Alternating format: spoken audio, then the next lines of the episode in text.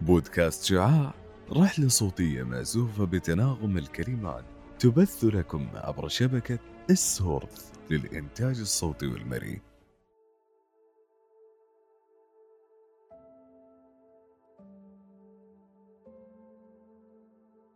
الطب النووي. قد تتصادم أفكارك إن كنت تسمع بهذا التخصص للمرة الأولى. فقد عرفنا الطب علما للمداواة والتشخيص مراعيا للإنسان. بينما تكرر هذا المصطلح نووي على مسامعنا في أحلك أوقات البشرية عبر التاريخ. ولم نعرف عن خيرات هذا العالم بقدر أضراره حتى كدنا ننسى أنه سلاح ذو حدين كما هو حال كل شيء في هذا الكون. لذا قررنا أن نأخذ بيديك نحو جانبه الآخر بعيدا عن الأسلحة والتفجيرات نحو علم طوره الإنسان لصالحه. أهلا وسهلا بكل مستمعي بودكاست شعاع. معكم جوري جلال وراح أرافقكم في تقديم هذه الحلقة.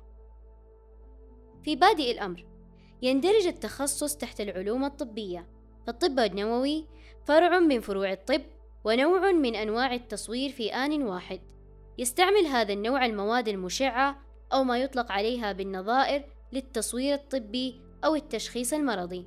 وعلى خلاف الحال في الأشعة العادية حيث يكون الجهاز هو المشع والمريض هو المتلقي يتميز هذا التصوير بكون المريض هو المشع والجهاز هو المتلقي لهذا الإشعاع. حيث يتم حقن الجرعة الإشعاعية عن طريق الوريد أو تناولها أو استنشاقها أو حتى في العين بواسطة القطرات.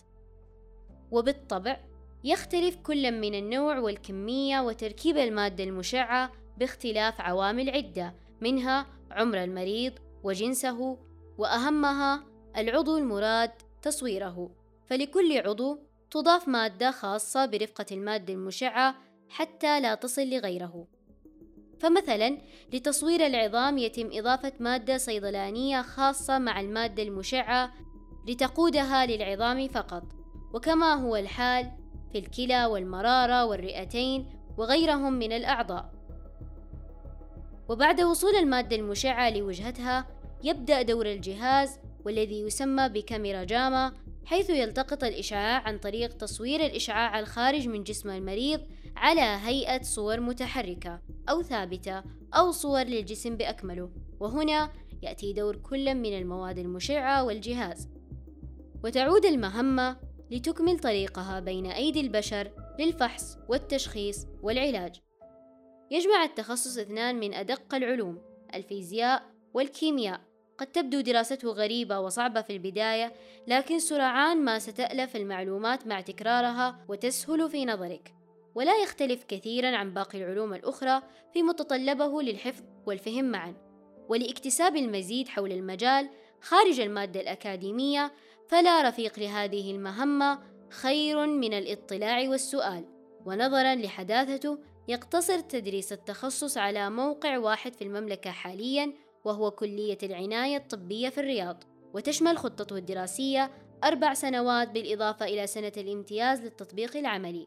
وتبدأ رحلة السنوات الأربع بالسنة التحضيرية الخاصة بالمواد العامة ومن السنة الثانية تبدأ دراسة مواد التخصص والتي تتعلق بالمختبر الإشعاعي والمواد المستخدمة فيه وطريقة قياس الأشعة والحماية منه وطرق فحص المريض والأمراض التي يتم تشخيصها وعلاجها.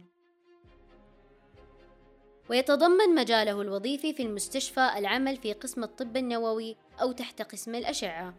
وتتشارك مهام خريج الطب النووي مع بعض مسؤوليات التقنيين الأساسية منها تجهيز الكمبيوتر وتحسين الصورة، تنفيذ إجراءات التصوير للمريض، توفير الصور وتحليل البيانات ومعلومات المريض للطبيب لتفسير التشخيص.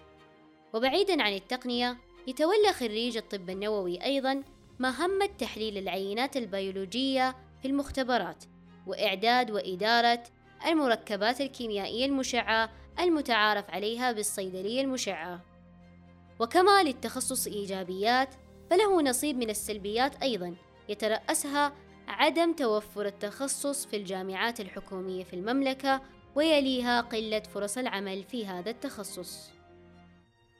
أما عن إيجابياته فهو تخصص مميز ومفرد عن نوعه، ولقسم الطب النووي أهمية كبيرة للأمراض التي لا تستطيع بقية أقسام الأشعة تشخيصها، ويتميز أيضا عن بقية تخصصات العلوم الطبية في نظام العمل لخلوه من المناوبات.